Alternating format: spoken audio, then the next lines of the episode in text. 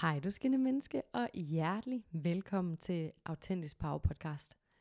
Den her episode handler om at gå med hjertet forrest i livet. Det autentiske liv, og om følelser. Hvad skal vi egentlig med dem, om hvad, hvordan håndterer vi de her følelser? Det handler om at slå op med, man bør, og om at finde glæden i livet. I episoden er jeg hjemme hos Laura Aurora, som er min veninde og kollega, og et af de mennesker, der inspirerer mig til daglig med hendes mod til at lade hjertet gå forrest i livet. Laura er selvstændig power coach og har en inspirerende og smuk livshistorie, som hun deler med dig og med mig i den her episode. Så lad os bare springe direkte ind i stuen og hilse på Laura.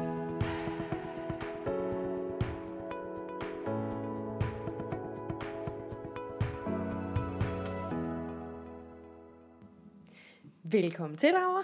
Tusind tak. Du er jo en af mine tætteste veninder, og min kollega, og min wingwoman, når det handler om at skulle leve det autentiske liv og gå med i hjertet forrest. Jeg har introduceret dig i introen, men jeg kunne helt vildt godt tænke mig, at du lige selv sagde et par ord om, hvem hulen er du egentlig? Hvad laver du? Ja, det, hvad fanden laver du? Ja. Det er altid et godt spørgsmål. Sådan, hvem er du, hvad laver du? Ja, hvor, hvor fanden starter man på det? Jeg hedder Laura Aurora, som sagt. Et selvvalgt navn, som jeg er meget glad for. Jeg øh, er power coach. Jeg hjælper kvinder med at finde ud af, hvad fanden er det egentlig, du drømmer om? Skal vi lige lægge en actionplan, og skal vi så til at få det til at ske? Så jeg aktiverer deres indre power, så de kan ja, få fingrene ud og leve deres drømmeliv egentlig. Mm. Groft sagt. Det er ikke små ting. Det er ikke små ting. Og øh, jeg arbejder særlig meget med at vende deres frygt til deres superpower, fordi det er jo altid frygten, der står i vejen for, at vi lever vores autentiske liv. Det er altid frygten, der står i vejen for, at vi faktisk lever vores højeste potentiale og alt, hvad vi kan. Det er vores frygt, der holder os tilbage. Så den arbejder jeg enormt meget med. Beskæftiger mig virkelig meget med at snakke om frygt og egoer og komfortzone og ja, en masse andet lækkert. Spændende, spændende emner og virkelig store. Og så sidder jeg sådan lidt og tænker på, hvis vi skal snakke lidt om sådan, ja, det autentiske liv og gå med hjertet forrest og sådan i livet generelt, så tænker jeg, det kunne være ret spændende lige sådan, hvis du kunne capture lige de sådan, hvordan er du nået hertil? Hvordan nåede du egentlig hertil, hvor du tænkte, det skulle det, jeg skal? Ja, det var altid en sjov historie. Øhm, ja, nu regner jeg med, at ingen kender mig, så nu får vi den lige den hurtige mm. historie. Jeg, øh, jeg er vokset op med meget naturvidenskabelige forældre. Jeg har en lægefar, en sygeplejerske mor, og vi er meget medicinsk opdraget, har jeg altid kaldt det. Det er, sådan, det er meget naturvidenskab, der, der hersker hjemme hos mig. Så der er altså ikke noget... Øh, der er ingen krystaller, der er ikke noget øh, Gud og Jesus, der er ikke noget univers, der gør noget. Det er videnskab, og det er ligesom det, der kører på. Og jeg har også en, øh, en kandidatuddannelse. Jeg har kandidatgrad i etnologi, hvor jeg har speciale i sundhedsforskning. Så jeg har arbejdet inden for sundhedsforskningssektoren. Dejligt langt sexet ord. øhm, der arbejdede jeg i tre år. Jeg havde et enkelt år med et i går så en rigtigt arbejde, hvor jeg arbejdede fuldtid i et sundhedsforskningscenter inde på Københavns Universitet. Så det er ligesom min baggrund.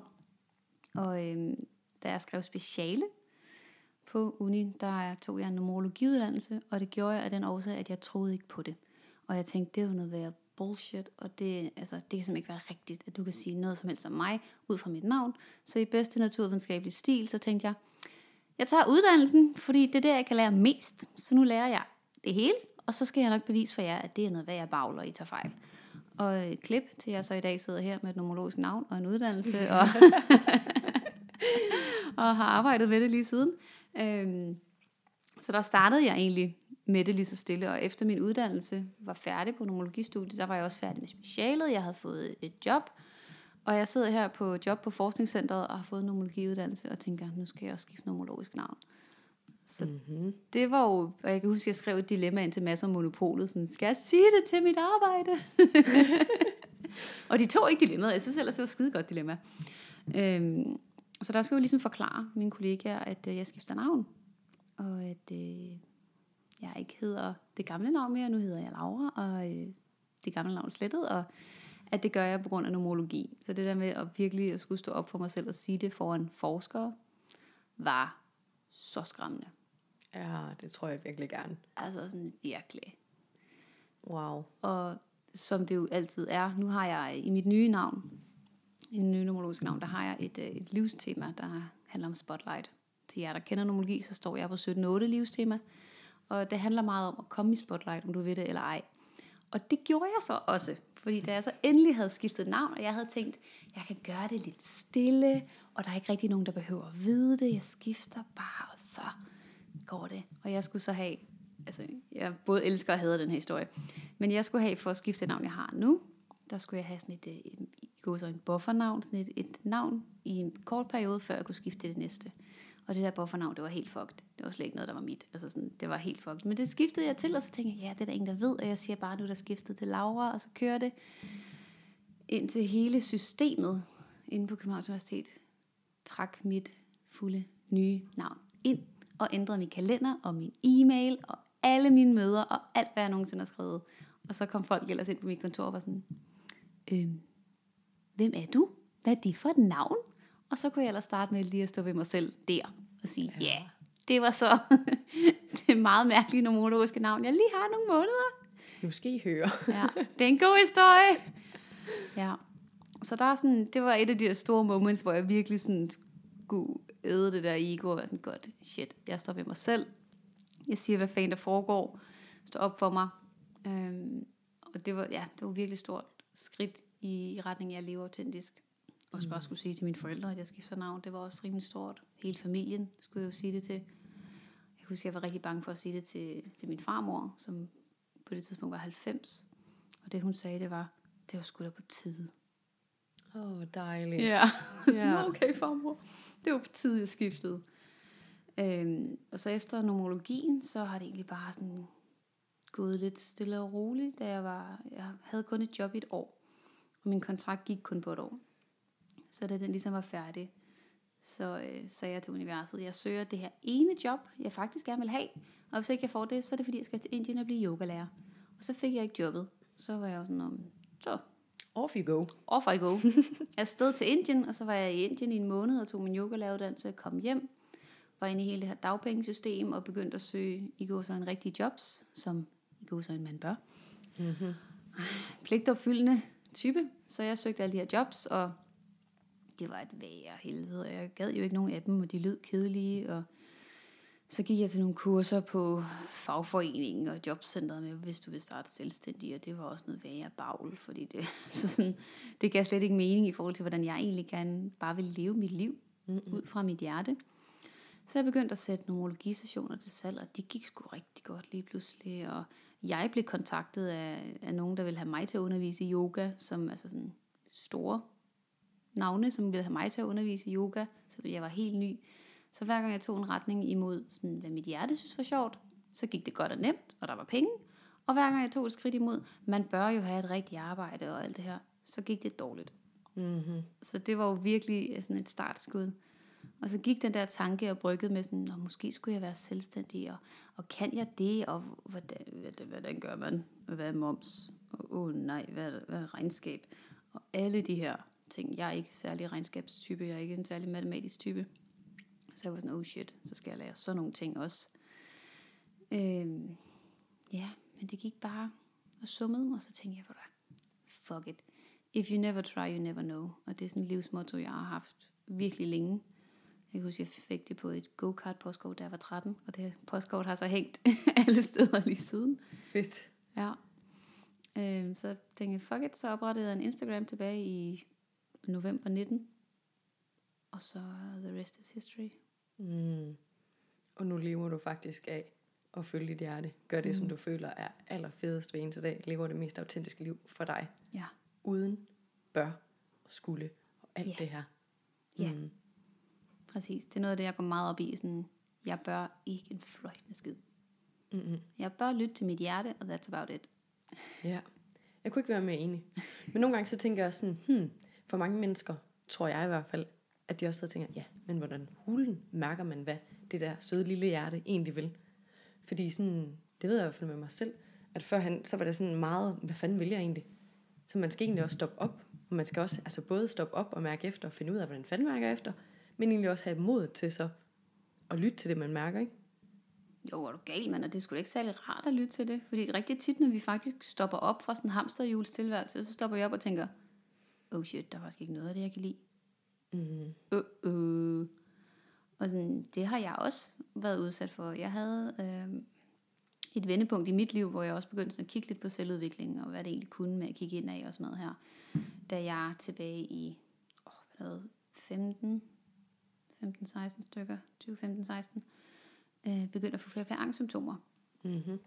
Hvor jeg havde altså sådan svært ved at trække vejret, og jeg var ikke til stede i min krop. Jeg dissocierede rigtig meget. Det vil sige, sådan, at min krop var der, men mit hoved var ikke til stede. Så jeg var sådan to steder på en gang, føltes det meget som om.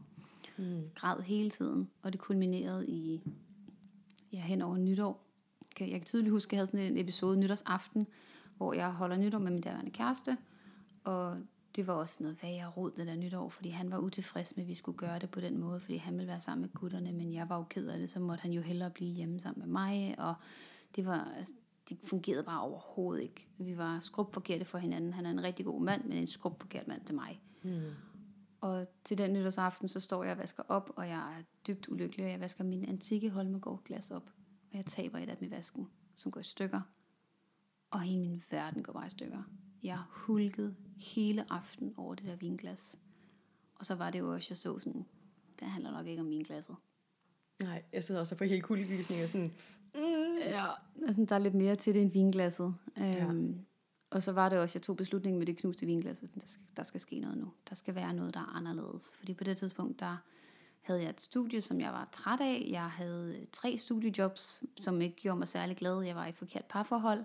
Jeg boede i en lejlighed, jeg ikke følte mig hjemme i på nogen måde, og jeg boede i et område i byen, jeg slet ikke kunne lide at være i, og jeg følte mig enormt ensom og isoleret fra mine venner, fordi jeg boede i den her bydel.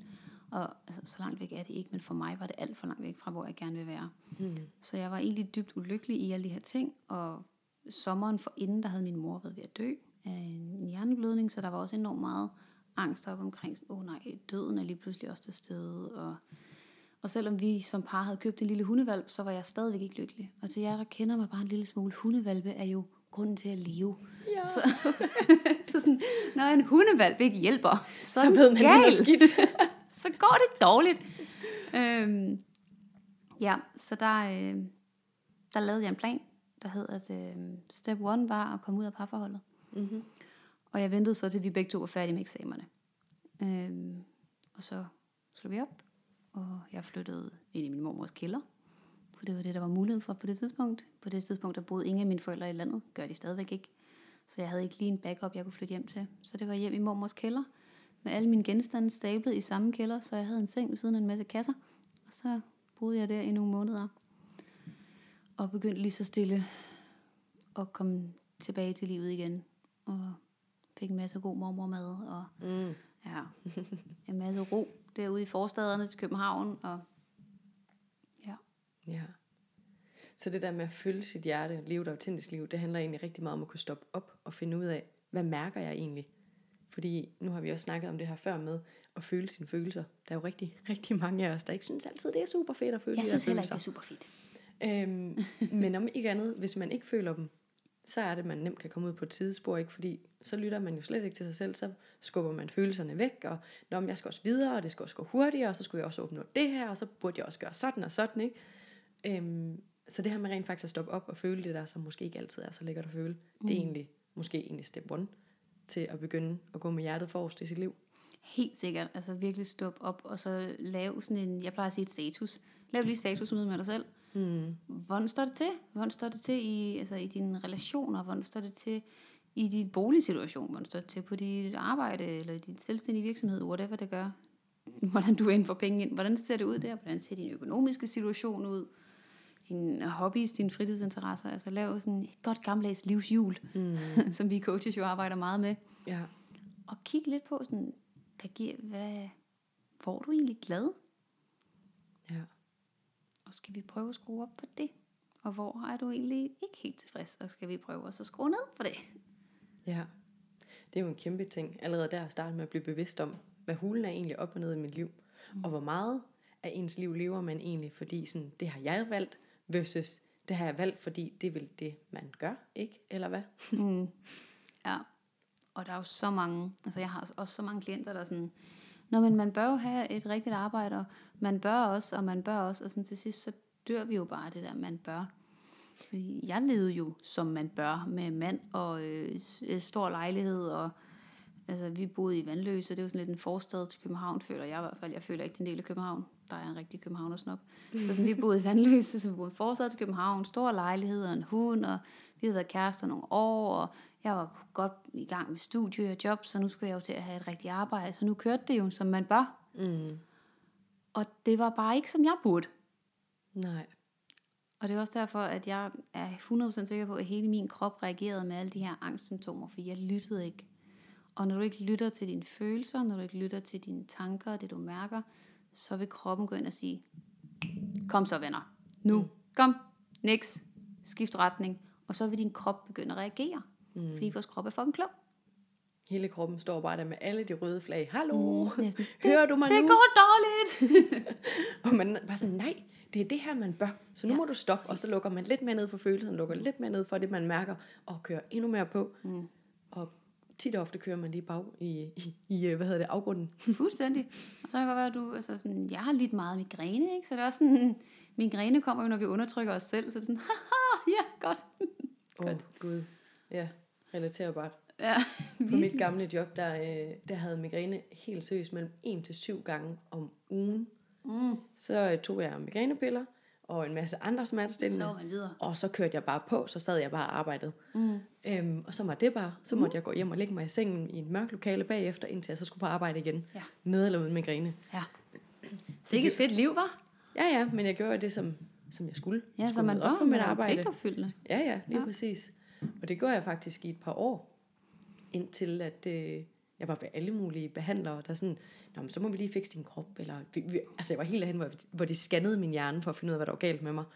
Øhm, fysioterapeuter, alle mulige former for massage, akupunktur, altså jeg prøvede alt, you name Mm. it. Øhm, og så til sidst så kom jeg til en, øh, en neurolog, som sagde, øh, hvordan har du det egentlig på din arbejdsplads? Øh, ja, det var da egentlig et godt spørgsmål. Da jeg valgte at sige op, så stoppede det hele. Mm. Ikke mere migræne. Åh, det stoppede fra den ene dag til den anden. Så var kroppen sådan, åh, oh, finally. Endelig lytter du. Ja, tak jeg for det. helt kuldegysning på den historie. Ja, det var, altså det var også, øh, det var voldsomt. Ja. Stakkels krop. Alle de smertestillende, som jeg bare har proppet med den. Sådan, Ja. hold nu mund. Hold nu op. Ja. Undertryk. Ja, præcis. Glem nu det her. Vi skal Præcis. videre. Ja, lige præcis. Ja. ja, det er virkelig... øh, Nå, ja, det er bare... Kroppen kan snakke til os på rigtig mange forskellige måder. Ja, ikke? den er fucking klog, den krop. Ja, helt vildt. Så, nu i hvert fald, der lever du et liv, hvor du lever med hjertet forrest. Ja. Yeah. Jeg sidder sådan lidt og tænker sådan, det kan også godt lyde lidt som om, "Nå, men så, øh, så lytter man lige til kroppen, du ved, så går man med hjertet forrest, og så er alting bare godt. Det er også rigtig lækkert, men det kræver også en masse mod, ikke? Åh, oh, mildest talt. Ja. Mildest talt.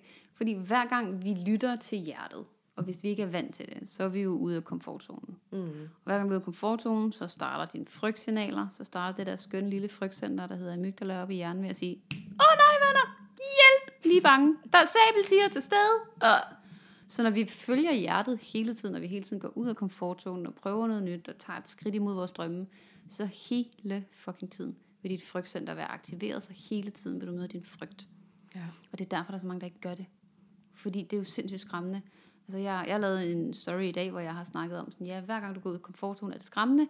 Også selvom det betyder, at du skal sige op på det job, du har brokket dig over de sidste fire år, som bare er røv og nøgler med en chef, der har en klaphat, og det hele bare frygteligt. Hvis du så skal sige op, så siger hele kroppen, åh oh, nej, men det er fordi, vi kender det her dårlige sted. Hvad nu, hvis vi så får et andet sted, der er endnu dårligere? Så vi kan være bange for selv at slippe det, det dårlige. Og det gør vi jo også, fordi vi er designet til at finde vores komfortzone og blive der. Det er sådan en urhjerne ting. Jeg snakker sygt meget om det med alle mine klienter. Jeg underviser også meget i det, så det er sådan der. Vi er designet til at blive i komfortzonen, fordi der dør vi ikke. Super fedt. Mm. Og så er vores ego ligesom skabt til, godt, så bliver vi her. Cool. Og så er egoet faktisk ligeglad med, om du er lykkelig, eller om du er bundulykkelig. Mm. Bare du ikke flytter dig, for her dør vi ikke. Så kan man leve sådan et liv i ren og skær overlevelse, ikke? Præcis, og så mm. kan man leve sådan et liv, som jeg gjorde, hvor at sådan, det så rigtigt ud udadtil, og ind i mig skete der bare så meget, som var så dårligt, at jeg stod op, altså jeg vågnede grædende, og jeg græd hele dagen, og så tørrede jeg øjnene og tog vandfast mascara på, som for mig er det værste i verden, fordi det føles som at tage et skjold på. Mm. Så sådan tog jeg mit skjold på ansigtet der, og så gik jeg ud i verden og gjorde, som man bør, græd på toilettet ude på arbejdet, tog hjem og hulkede igen og græd mig selv i søvn det var jo ren frygt, altså sådan, der holdt mig tilbage jo, for jeg var så bange for at komme ud af den her komfortzone, for jeg levede jo både som man bør, og som jeg troede, man skulle, og mm. jeg var jo i komfortzone, så jeg turde jo ikke bare sådan en lille ting som at sige højt, at jeg er faktisk ret spirituelt anlagt. Det turde jeg jo heller ikke sige, fordi så vil folk dømme mig, og mm. hver gang vi tager et step ud af den komfortzone, så vil din frygt gå amok. Så derfor skal vi lære at frygt ikke slår os ihjel, og at frygt faktisk er lidt misforstået bedste ven. Dit ego er din bedste ven, fordi det prøver at passe på dig. Mm. Så vi skal virkelig lære at, at arbejde med egoet og forstå, hvad det egentlig kan, og hvordan dit ego reagerer i din krop og dine tanker. Mm. Før vi kan begynde at virkelig leve efter hjertet. Fordi hvis du bare går ud nu, der er kære lytter, der lytter med og lever efter hjertet, så vil du komme til at møde frygt lige omkring to sekunder inden i den her rejse. Og så vil du have lyst til at gå tilbage og lægge dig på sofaen og se Netflix, fordi det er skræmmende at gøre alt det andet. Hjemme i fosterstilling. Hjemme oh, i fosterstilling. Ja. På med nogle andre bukser. Bliv ja. hjemme. Ja. ja. ja. ja. det kræver virkelig, at man sådan kan tage sig selv i hånden, synes jeg. Altså, mm. Og så virkelig gå hen imod det der mod. Og jeg synes egentlig, der er mange ting. Noget af det, som, altså, en ting, der virkelig har gjort en forskel for mig, det er at hæve mit eget selvværd, altså få et mm. virkelig godt forhold til mig selv, men faktisk også det her med at få veninder, som kan støtte en også. Altså du har været en kæmpe støtte på min rejse også. Fordi det der med, når man så virkelig står der sådan, fuck, nu har det hele bare taget over, og frygten er bare sådan helt, ah, så, øhm, det ved jeg ikke, så kan man jo enten møde mennesker, der klapper ind på ryggen og siger, jamen så, så læg dig ned her, og så lad være med at gøre det, hvis det er så skræmmende. Eller du kan finde mennesker i dit liv, der siger, ja, så er det så op og afsted med dig. Ikke? altså mennesker, som ikke finder sig i, at man er ved at hoppe ned i sin komfortzone. Mennesker, som virkelig sådan, jeg vil lade sgu det bedste, så jeg presser dig sgu lige lidt. Er du klar? Mm. Ja. Lige præcis. Det gælder så meget om at have de rigtige mennesker omkring sig. Det gør det virkelig. Jeg kan slet ikke sådan beskrive, hvor vigtigt det er. Altså Jim Rohn har det der klassiske quote med, at du bliver gennemsnit af de fem mennesker, du bruger mest tid sammen med. Mm. Så prøv lige at kigge på dem. Ja. Bruger du mest tid sammen med dem, som lever som man bør.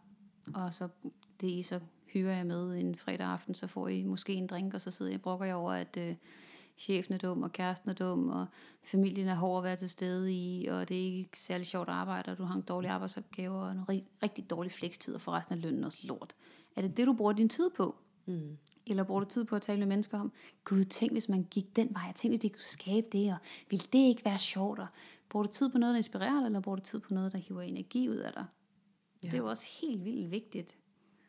Helt og vildt. det vil også påvirke dit selvværd, fordi hvis alt, hvad du er omkring, er negativitet, så vil du også komme til at se verden som en rimelig negativ, og så vil det automatisk smitte af på din selvopfattelse. Ja, altså, ja, det, det er godt nok helt vildt, så stor en forskel det gør. Og det betyder ikke, at man ikke kan have de der sådan, nu kalder jeg dem almindelige samtaler, eller en gang imellem bitch over et eller andet. Fordi sådan er det også nogle gange at være menneske. Mm-hmm. Bare det ikke fylder det hele. Det er det. Altså sådan, du og jeg, vi har jo også samtaler, hvor vi ringer op og sådan, verden er dårlig i dag. Jeg melder mig ud, og jeg vil gerne unsubscribe på følelser. Tak. Det er tit mig, der siger det. Jeg vil gerne unsubscribe på alle mine følelser. Og så siger du, jamen det forstår jeg godt, det er også nede, men det kan du ikke. Og så siger jeg, øh. så tager vi også den samtale. Så tager vi den samtale. ja, for det er jo det, der er den, synes jeg. At det der med at mærke sine følelser, jeg kan godt forstå, at man undertrykker dem. Det har jeg sgu selv gjort i mange år, før Same. jeg fandt ud af, at det virkede ikke særlig godt. Det går dårligt. Ja, fordi det vi skulle nødt til. Det er sådan, mm. vi designede. Følelserne er der en grund. Og jeg plejer faktisk at sige sådan, du ved, det der med, at man kan sådan undertrykke dem, det svarer lidt til sådan, at du får regninger ind ad døren, og du sådan, øh, nej tak, jeg lægger den lige over hjørnet. Øh, nej tak, jeg lægger den lige over hjørnet. På et eller andet tidspunkt, så kommer altså en stor fed rykker, og det, den er ikke altid så sjov at modtage. Eller så kommer der en mand fra en kasse og banker på. Ja, det tror jeg heller ikke er så sjovt. heller ikke nogen af. Men det er jo det samme med vores følelser. Vi kan undertrykke, vi kan undertrykke, mm. indtil lige pludselig så begynder kroppen at skrige, om ja. det så er angsten, eller migrænen, eller depression, eller noget helt tredje. Ikke? Altså sådan, mm. ja. Men de er her faktisk, fordi de skal fortælle os noget. Det er det. en del af, af det at være menneske. Præcis. Og det er jo, altså, vi lærer jo ikke at være med vores følelser. Jeg bruger det her eksempel, når jeg underviser i det, sådan, at på et eller andet tidspunkt i vores liv, så har vi fået at vide, hvad for nogle følelser, der er rigtige, og hvad for nogle, der er forkerte. Og de her, mm. det er rigtig meget godsøjning, fordi der findes ikke rigtige og forkerte følelser. Der findes følelser, og så findes der den mening, vi har tillagt følelser. Ja. Og den mening er tillært. Oftest i barndommen, og det her det er ikke et hit på jeres forældre. Det er både jeres forældre, det er også pædagoger, det er også, hvad du ser i fjernsynet, det er alting, mm. der ligesom har givet os den her forståelse af, hvad der er det rigtige og det forkerte i godsøjne. Så når vi ikke har, altså når vi lærer at tillægge en mening til noget, så lærer vi at skelne mellem, hvad vi må og hvad vi ikke må. Vi må ikke være vrede, vi må ikke være kede af det, vi må ikke brokke os, vi må ikke være til besvær. Vi må rigtig gerne smile, vi må rigtig gerne være glade, vi må gerne være begejstrede, men vi må ikke være for begejstrede, så vi larmer for meget. Det må vi heller ikke. Så sådan, vi er virkelig kurateret, hvad vi må i gåsøjne. Og det er tillært, og derfor er det også, at vi kan aflære det. Mm. Fordi hvis vi kigger på vores skønneste lærermestre, øh, børn, babyer, de har ikke tillagt nogen mening til, når de er sure. De har heller ikke nogen tillagt mening til at være ked af det. De er bare ked af det. Og så kan du se, hvor hurtigt de så går fra at skrige ørerne af os, til at grine ørerne af os. Mm. Fordi de ikke tillægger det mening. Det er bare sådan, jeg føler det her, det kommer Ja. ud af mit system. Ja. Nu er jeg videre. I'm good. Ja, Præcis. ja. Men ja, det er virkelig sådan meget som om den der sådan, at der er de her forbudte følelser, og dem må jeg ikke for mm. alt i verden Ja. ja. føle. Oh nej. Og hvis jeg gør det, så skal jeg deme sidde derhjemme med mig selv, helt alene, og klare det selv. Mm. Hvilket jo er sindssygt hårdt. Og Rimelig hårdt. ensomt, tænker jeg. Ja. Altså, Og dårligt. du Ja. behøver ikke klare dine følelser selv. nej. Nej. Men det er igen det der med at være bevidst om, hvem man er egentlig er sammen med. Altså tør man at være sårbar sammen? Mm. Tør man at åbne, åbne op og fortælle, hvordan man egentlig har det? Og så tænker jeg sådan lidt, så kommer vi tilbage til det der med at være autentisk. Sådan som du har det indeni, er det også det, du viser udad til i verden? Eller er det to forskellige ting? Mm. For så er det virkelig svært at føle sig autentisk og egentlig hvile i den, man er, hvis man sådan går rundt som sådan helt splittet, ikke? Ja, fuldstændig. Og sådan, jeg kan huske, jeg havde en, en klient, som spurgte mig sådan, jamen Laura, hvordan kan jeg lære at tage en maske på og gå ud i verden uden mine følelser? Hvor jeg sagde, det synes jeg ikke, du skal lære. Det vil være dårligt, fordi mm. at du er så meget i dine følelser, at din superpower. Og hun følte sig så forkert, fordi hun var i sine følelser, og jeg synes bare, hun var det sejeste i verden. Altså, fordi hun kunne være i det. Fordi jeg, jeg er jo sådan en, der har lært at tage maske på. Ikke? Det er jo virkelig noget, jeg har gået meget med. Sådan, altså, I alt mit angst, så har jeg jo fungeret fint på arbejdspladsen Mm. siger jeg og smiler. det gør man jo, som man jo bør.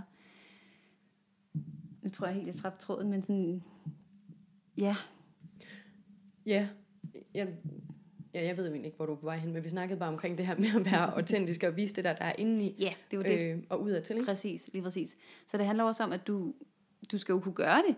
Ja, men det betyder ikke, at du skal gå rundt og græde i Føtex hele tiden. Det er ikke sådan, at vi lægger op til, hvis du har lyst til at græde nu, så græd bare. Selvfølgelig, hvis du har brug for en græde, så skal du græde, men du behøver heller ikke føle det som en forsering af, at du skal være i alle dine følelser. Mm. Den differentierede jeg meget igennem i start, for jeg synes nemlig, det var sindssygt svært at være sådan, okay, så når jeg er ked af, så skal jeg bare græde eller hvad, men jeg vil ligesom ikke græde i netto, så det gider jeg faktisk overhovedet ikke, det der følelsesnød, fordi hvis jeg bare skal være sådan et stort følelsesvrag, der render rundt, så kan du tro nej, jeg fortsætter med at undertrykke hele baduljen. Og hvis du sidder derude med den, kender, føler, øhm, så hvis du sidder med den frygt for at føle dine følelser, at det skal være sådan, så lav en praksis, hvor du øver dig i derhjemme, og finde ud af, sådan, hvad føler du derhjemme. Start mm. hjemme i vante, trygge omgivelser med mennesker, der er trygge.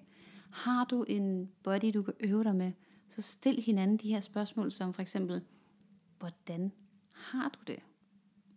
Ikke hvordan går det, hvordan har du det? Hvad mærker du lige nu? Hvad føler du lige nu? Øv dig i at identificere dine følelser. Fordi rigtig tit, så er der mange af os, der går og har det sådan lidt, jamen jeg er sådan lidt, næh. Hvad fuck er næh? Altså sådan, ja. hvad er det? Og det siger jeg sådan her, fordi det var sådan, jeg følte. Jeg følte mig lidt næh, altid. Så prøv at starte med at lære sådan, step 1, identificere, der sker noget. Step 2, øh, hvad sker der i dig? Kan du navngive følelsen? Mm. Kan du mærke den et sted i kroppen? Og så bare anerkende den af dig. Ja, fordi det er jo også en ting, det der med, den er der, det må godt være her, og du ved, det betyder ikke, at så er man den følelse, men den er her, og der er ikke noget lys uden mørke. Altså, vi er nødt til at opleve alt det, som er lidt hårdt, lidt træls og lidt mæh, mm. før at vi også kan mærke glæden og lykken og alle opturene.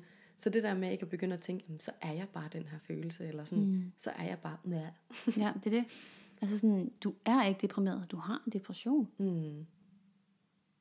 Sådan, Ja. Du er ikke angst, du har angst, du føler angst. Mm. Så også bare den måde, du taler om dine, i kæmpe godsøjne, negative følelser, det, det determinerer også, hvordan du oplever dem. Mm. Jeg føler angst, det er noget helt andet, end jeg er angst. Ja. Så identificerer du dig med følelsen, som du præcis siger. Og det skal vi prøve på ikke at gøre. En følelse er vildt bare energi, der går igennem din krop. Ordet er bedst på engelsk, hvor det hedder emotion, som står for energy in motion. Det er Ja. energi, der går igennem din krop. hvis vi tillader det. Hvis vi ikke tillader det, så sætter det sig fast, og så er det, vi får migræne og angst og alt muligt andet skrald. Ja. Ja, og så er det bare sådan, det er lidt som om, at det er så normalt at, lave, altså, at, at undertrykke det, eller ikke at vise sine følelser, eller ikke forholde sig til, hvad er det egentlig, jeg føler. Jeg synes i hvert fald tit og ofte, den der sådan, jeg møder igen og igen, det er den der, "Men hvordan har du det? Fint. Ja. Og så et smil. Du smilte også der. Ja. da du sagde det. Fint, og så det store falske smil. Fint. Fordi det er det, I gerne vil høre, ikke? Jo. Der er vel ikke nogen, der gerne vil høre, jo, nu skal du høre, det går faktisk pænt dårligt. Det går dårligt, og ja. jeg har det nederen, og øh, har du en Kleenex? Det gider vi ikke høre. Altså sådan, og helt ærligt, det vil jeg da hellere høre. Ja, og det, der kommer jeg faktisk til at tænke på, at det også er ret godt det der med, netop at finde ud af, hvem øver man sig sammen med, for der er jo faktisk rigtig mange mennesker, som ikke selv forholder sig til sine egne følelser. Så kommer du lige pludselig og sådan fortæller om dine følelser, eller begynder at græde, så, så går man helt i panik. Mm. oh, nej, jeg kan ikke engang være med min egen, hvordan skal jeg kunne være med dit? Ja. Nu vil jeg gerne fikse det. Hvad skal vi gøre? Hold op med at græde. Klap dig lidt på ryggen. Ja, præcis. Det skal nok gå. Ja. Ja, det skal det nok, men lige nu er jeg ked af det. Ja. Så det der med måske også at være omkring de rigtige mennesker, som vi snakkede om før, sådan, mm. så man ved, sådan, at man bliver grebet, og der faktisk er nogen, der ikke behøver sådan, at fikse en, men bare sådan kan være med det, man føler. Altså bare kan være der og sige, hey, hvad end du føler lige nu, så er det okay. Ja, lige præcis. Det er virkelig det. Vi havde en samtale her, øh, da du kom hjem til mig for et par dage siden, hvor du sådan, "Nå, hvad så? Og jeg havde haft en dag, der bare var røv og nøgler dagen for inden. Og så snakker vi lidt om det, og jeg sidder og græder lidt, og du sidder der, og så snakker vi om det, og jeg snakker bare, og du kommer ikke med nogen råd, og du skal ikke fikse noget, du sidder bare sammen med mig, mens jeg lige synes, verden er et lortested at være i. Og jeg overvejer at flytte til Australien og bare droppe det hele. Og så sidder vi og snakker lidt om, hvordan vil det være i Australien? Og så kan vi grine lidt af det, og så er det kommet ud af mit system. Mm. Og det er da også det der smukke, der sker, når vi ligesom tillader andre at se os i, nu siger jeg mørket, og se os i det der, vi ikke har lyst til, de skal se os i. Når vi deler det, så bliver det lidt lettere for os, så er vi lige pludselig to om at bære det. Mm. Ja, og jeg tænker også lige pludselig, altså så kan man måske føle sig mere sådan, mindre forkert i hvert fald. Altså sådan, gud, jeg må godt lige vise de her sider. Altså, og du er her stadigvæk med mig. Du kan stadig godt lide mig. Ja, præcis. Så det der med, at man sådan, okay, jeg må faktisk godt være det hele, så man ikke sådan føler, at man skal gemme nogle specifikke sider for, at man er god nok, eller ja. Værd at elske, eller hvad det nu kan være, ikke? Jo, præcis. Ja, det synes jeg egentlig også er ret vigtigt.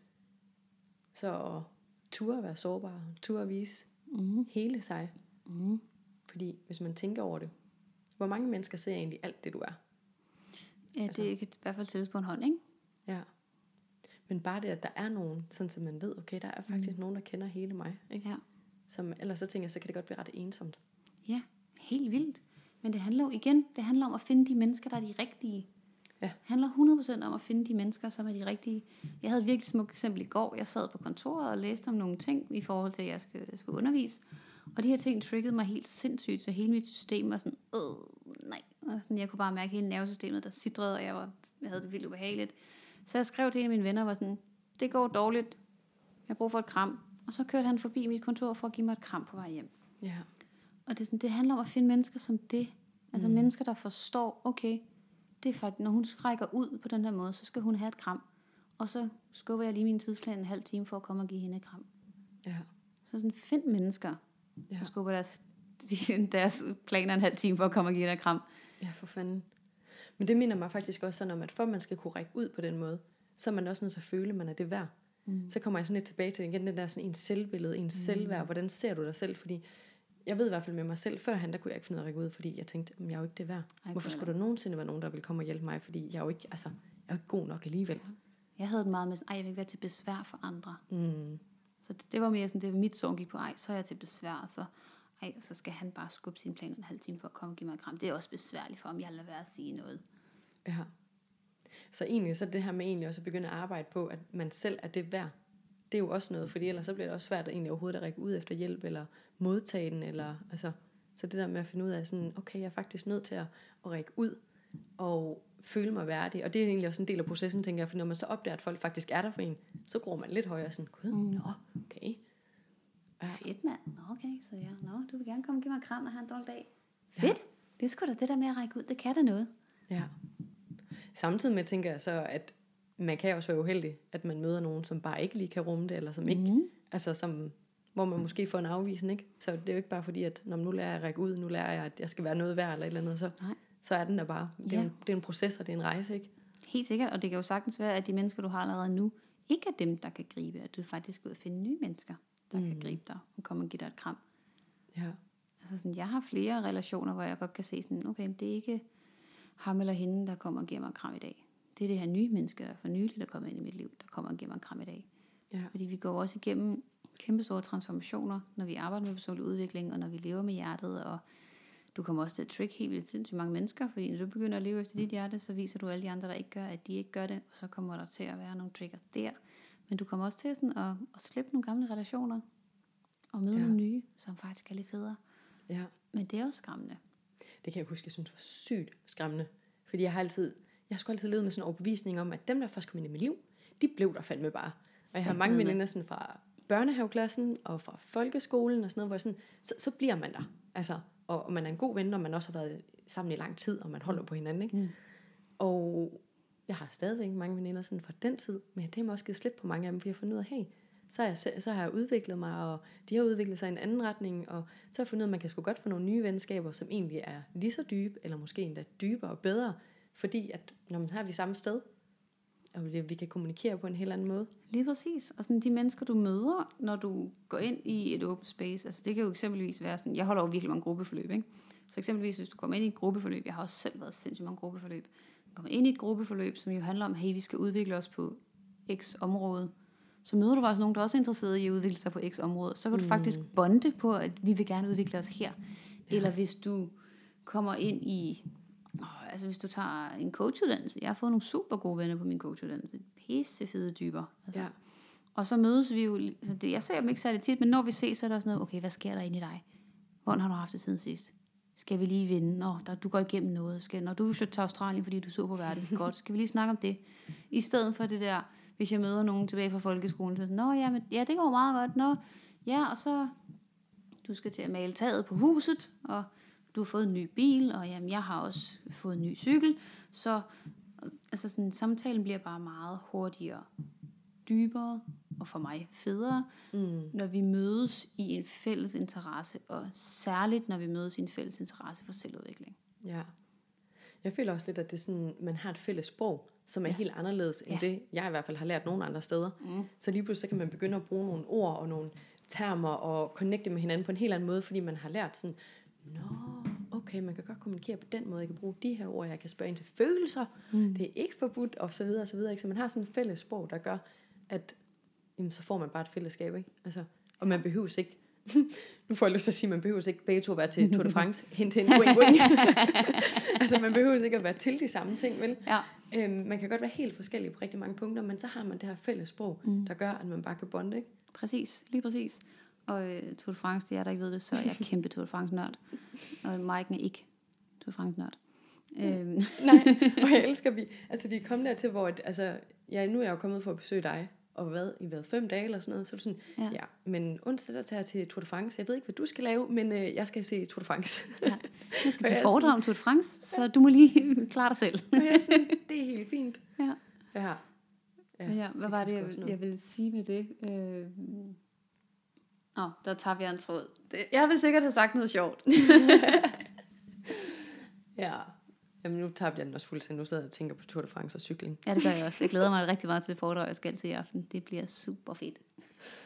Ja, så finder jeg på noget andet, ikke? Ja. Altså, ja, men ikke altså sådan. Jo, det vil sige var, det er fælles sprog.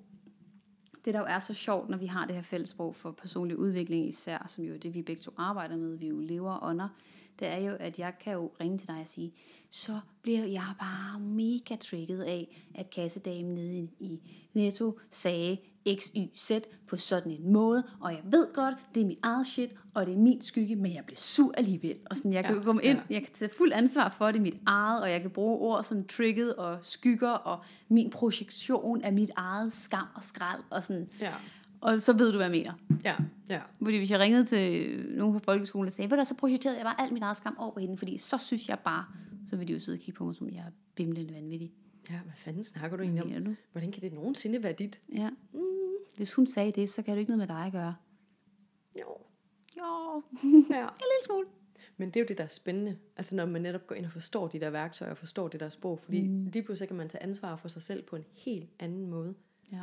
Altså, og også gå ind og arbejde med nogle ting, som før han ville irritere en, eller virkelig fylde meget, som måske fylder mindre nu, fordi man godt ved, okay, jamen, så er der så lige noget, jeg skal ind og kigge på, det ved jeg, har jeg heldigvis værktøjerne til, jeg ved, hvordan man gør.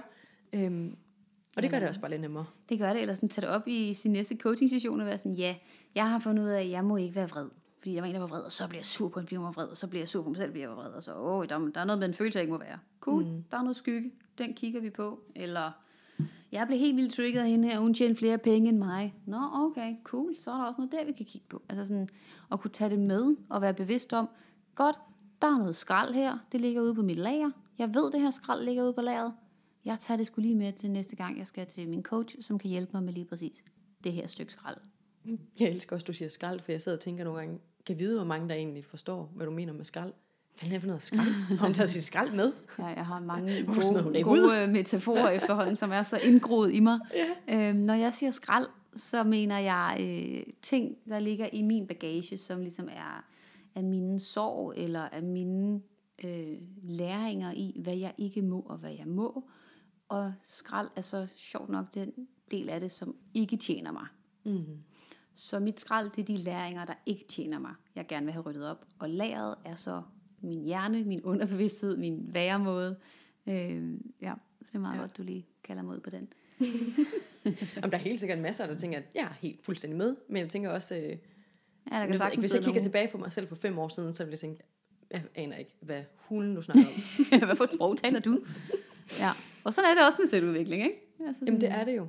Fordi jeg synes i hvert fald sådan, jeg møder mange på min vej, og inklusive mig selv førhen, altså vi har jo alle sammen været der, tænker jeg, der sådan, så kunne jeg kigge på et menneske og tænke sådan, hvorfor fanden er du så pisseirriterende? Sådan havde det faktisk rigtig meget med usikre mennesker førhen. Mm. Jeg blev så irriteret. Og i- dengang var jeg sådan, jamen det er jo dem, der er irriterende. Og det var først den dag i dag, at jeg fatter, nej, det var fordi jeg selv var så usikker, og jeg kunne ikke lide den side af mig selv. Så derfor stod jeg og pegede fingre alle dem, der var usikre. Hvor er I bare irriterende, fordi det i virkeligheden var en side, jeg ikke kunne lide mig selv, ikke? Mm. Altså, og når man finder ud af de der ting, så når man også til et punkt, hvor det er sådan, ah, okay, men så kan jeg faktisk arbejde med det der, ah. så jeg selv bliver sikker, så jeg faktisk ikke bliver irriteret på mennesker. Ja. Nu bliver jeg da overhovedet ikke irriteret. Nu bliver jeg mere sådan, ej, hvis jeg kunne fortælle det her til hele verden, ja. Hvordan man kan blive mere selvsikker, hvordan man kan tro på sig selv Ja. og hvile i den, man er. Ah, fedt, det kunne jeg virkelig godt. Jeg kunne godt gå op på en eller anden alpetop og synge en jodle-sang om det. Ej, der fik jeg lige det billede ind i hovedet. Jodle. ja. ja. Og, og ja, og klip til, vi begge to lever af det, ikke?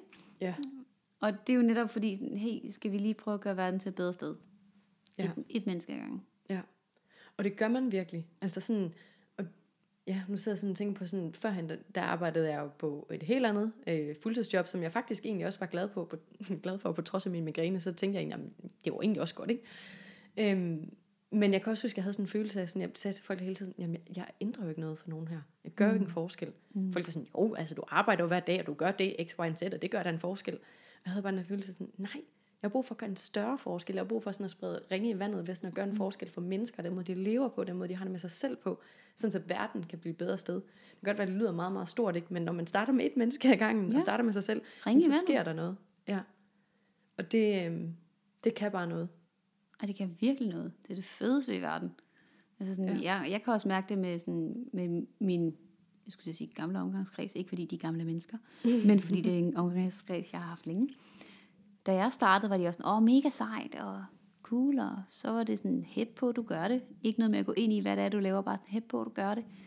Og lige så stille, så var der den ene veninde, der sådan, ej, må jeg godt komme med på det der gruppeforløb? Og så vil den anden veninde med på et gruppeforløb, og nu snakker de to veninder om, hvordan det er gået i gruppeforløbet, og siger til den tredje veninde, hun skal også prøve at komme på et gruppeforløb, og det har faktisk hjulpet. Og sådan, lige pludselig, så fordi jeg begynder at kigge på mit eget shit og mit eget skrald, mm. så begynder jeg at inspirere dem til at gøre det.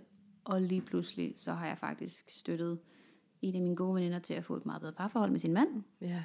Og det er sådan, okay, super fedt, at jeg kunne hjælpe med det. Jeg har hjulpet en anden til at finde ud af, hvad hun gerne vil med sit liv. Jeg har hjulpet en tredje med sådan at sætte grænser. Mm. Og det er mine nære relationer. Det er ikke Ja. ja. engang mit arbejde. Mit arbejde, altså det går meget hurtigere, når vi arbejder med dem, fordi de kvinder, vi arbejder med, er sjovt nok klar til at gøre en forskel. Ja. Så de er klar til at tage steppet. Så det kommer altid til at gå langsommere med, dem, der er omkring dig, for de er ikke altid klar. Ja. Men det med sådan at se, okay, jeg gør så meget for mig, og jeg ændrer faktisk de mennesker, jeg er omkring nu, til det bedre, ikke? Ja. Det er fandme vildt. Ja, jeg synes også, det er interessant, fordi sådan for mig, jeg bliver sådan nærmest sådan lidt højere af det, jo flere mennesker, jeg Ja, kan hjælpe på min Det vej. er det fedeste. Altså sådan, og jeg synes egentlig, det er lidt interessant, fordi jeg faktisk før blevet taget i, at folk har spurgt, jamen, altså hende Laura der, "H- hvorfor er det egentlig, I hjælper hinanden? Fordi hun er din konkurrent, laver ikke det samme? Og jeg bare sådan, wow, det er egentlig sjovt, hvordan man kan se verden så forskelligt. Mm. Fordi jeg er ret sikker på, at jeg kan tale for os begge vegne, at vi har ikke nogen konkurrenter. Når man finder ud af sådan, jeg er mig, og du er dig, så er der faktisk ikke nogen konkurrenter. Så kan man hjælpe og støtte hinanden, og så bliver man faktisk selv stærkere. Præcis. Ja. Det er det. Altså sådan, en hver, der har opnået det, du vil, er ikke din konkurrent. Hun er dit bevis for, at det kan lykkes. Mm. Ej, den, den elsker jeg også bare. Ja, det er virkelig, Så- den, den er så vigtig at lære. Ja, Det er beviser for, at du også kan lykkes. ja, Og det betyder ikke, at øh, vi ikke løber ind i nogle triggers. Selvfølgelig gør vi det. Altså, vi løber alle sammen ind i triggers hele tiden. Mm. Så jeg kan da sagtens se nogen, der laver det samme som mig. Og så, øh, hvad ved jeg, så har jeg en klient, der er gået over til hende, eller hun har postet, hvor meget hun har tjent, og så har hun tjent mere end mig, og åh oh, nej, og sådan. Selvfølgelig kan vi blive ramt af alle de her ting, mm. men jeg ved også, i det øjeblik, jeg bliver ramt, så er det noget, der foregår ind i mig. Og så skal ja. jeg tilbage og course correcte en lille smule her. Ja. Men det er jo, ja, for jeg synes egentlig også, det er lidt interessant, for det, det er jo ikke sådan, man, at jeg håber ikke, at det er det, man hører os sige i hvert fald, at Nå, men så følger man bare hjertet, og så ser man det bare sådan, så går man i en selvudvikling, så er alt bare godt, og livet er bare perfekt. Sådan er det jo overhovedet ikke. Nej. Men man får bare nogle værktøjer til at gøre livet nemmere for sig selv. Mm. Og at når man så løber ind i det her, når man løber panden mod muren, så har man nogle værktøjer til, okay, hvordan kan jeg lige sådan reparere mig selv, så jeg ikke sådan går rundt med et kæmpe sår fra, at jeg bare fyrede panden ind i muren her. Præcis. Hvor at førhen, der vidste jeg ikke, hvad jeg skulle gøre, så, så blev jeg sgu nok bare ved med at løbe ind i den samme mur og tænke, hvor fanden blev det ved med at gå ondt? Ja, det var da irriterende. Nu gør det mere og mere ondt, hver gang jeg løber. Altså, nu har jeg stort blåt mærke i panden, og et sår, og det gør stadig ondt. Hvad fanden på det? Ja. Ja, og det er jo det, altså sådan, dit liv bliver ikke nemmere af at følge dit hjerte. Dit liv bliver federe af at følge dit hjerte. Mm. Fordi det nemmeste er, at du bliver i din komfortzone, når du sidder på et eller andet skodjob, og du gør, som man bør. Det er klart det nemmeste. Ja. Men det er 0% det sjoveste. Ja. Det er 0% det fedeste. Det er 0% det mest givende. Og det er ikke det, der gør dig allermest lykkelig. Nej. Det skulle... Øh... Så det er, også, altså, det er også derfor, der er så få, der egentlig ligesom sætter i gang med den rejse, det er at lære sig selv at kende og skabe sit drømmeliv fra hjertet. Fordi det er fucking skræmmende. Mm. Og hårdt, ja, det er hårdt. Men personligt synes jeg, det ville være hårdere, at jeg altså, skulle herfra som 100-årig, og så sidde og sige, det var sagt med ellers ærgerligt, at jeg bare levede, som man burde. Ja. Hvad Jeg plejer altid at sige sådan, når jeg bliver 80 år, så sidder jeg i en gyngestol et eller andet lækkert sted, og tænker, fuck nogle fede valg, jeg tog, nogle fede mm. oplevelser. Jeg gjorde sgu det, jeg ville, i stedet for at sidde og tænke, Nå, hvorfor afprøvede jeg ikke det der? Eller, mm. Jeg overvejede jo også lidt det der, men det fik jeg sgu aldrig gjort, hvor jeg bare sådan, fuck nej. Jeg skal virkelig være, nu snakker jeg også om 80 år, som om det er sygt gammelt, det er det måske ikke engang vel. Men når jeg er 80, mm. så skal jeg i hvert fald virkelig sidde i den her gyngestol og være glad. Ja, same. Jeg sidder ved siden af den anden gung- gyngestol med et kæmpe stort glas hvidvin kl. 10 om formiddagen. Fedt. Og så skal vi sidde og kigge tilbage og sige, well lived. Ja, det glæder jeg mig til. Jeg gør jeg også. Jeg kan huske, at jeg engang så et Instagram-quote, og det var lige da jeg havde downloadet Instagram, så det har været tilbage i sådan 13-14 stykker, hvor der netop stod, I would rather have a life of oh wells than a life of what if. Ja, Og den har bare printet sig ind i mit hoved, og den tænker jeg virkelig meget over. Så når man sætter den sammen med, if you never try, you never know, ja. så har du fandme en god formel på dit liv. Ja, enig. Og jeg sidder og bliver sådan helt rørt og sidder sådan og tænker, det her det er verdens bedste afslutning på en snak. altså virkelig. Ja. Ja. Så vil jeg bare sige tak, fordi du gad at snakke med mig. Selv tak. Det synes jeg var mega hyggeligt. Og øh, ja, så kunne jeg egentlig godt lige tænke mig lige, nu jeg stadigvæk har dig, om du ikke lige kunne sætte nogle ord på, hvor folk kan finde dig henne, hvis de nu sidder og tænker sådan, fuck, hun var sej hende der Laura. Hvordan arbejder jeg med hende, eller hvordan ved jeg mere om hende? Kan, hvor finder man hende? Ja, ja, hvor fanden finder du mig? Øh, du finder mig mange steder. Det nemmeste er at søge på lauraaurora.dk, og det hedder jeg både på Instagram, det hedder min Facebook-side, det hedder min hjemmeside. Jeg har en øh, Facebook-gruppe, der hedder Power Womanhood, Mm-hmm. og det er også navnet på min podcast, så hvis du vil lytte mere på min stemme, så er der en hel podcast mere, du kan tune ind på os, og lytte på en masse der. Der har jeg masser af interviews med kvinder om, hvordan de har ledt et liv fra deres hjerte. Så det er jo også spændende, hvis du vil have flere beviser på, at du også kan gøre det, så ligger de tilgængeligt ganske mm. gratis derinde. Det er muligt at arbejde sammen med mig på flere forskellige måder. Jeg uddanner Power Guides, Mm-hmm. så jeg har min egen uddannelse. Jeg har en-til-en sessioner med klienter på forskellige måder. Og så har jeg en masse online materiale i forskellige prisklasser. Så det er simpelthen muligt at arbejde sammen med mig på alle prisniveauer. Så der er ingen undskyldninger for ikke at komme i gang med at skabe dit drømmeliv. Mega, mega fedt. Jeg linker lige ned i show notes, så det er nemt at finde dig. Og så vil jeg bare sige tak. Selv tak.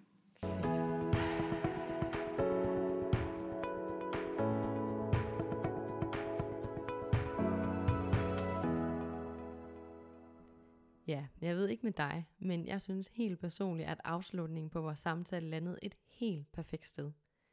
Tænk engang, at vi kan vælge at være modige og leve et liv, der gør os stolte, fordi vi har valgt at følge vores eget hjerte, i stedet for at leve efter, man bør.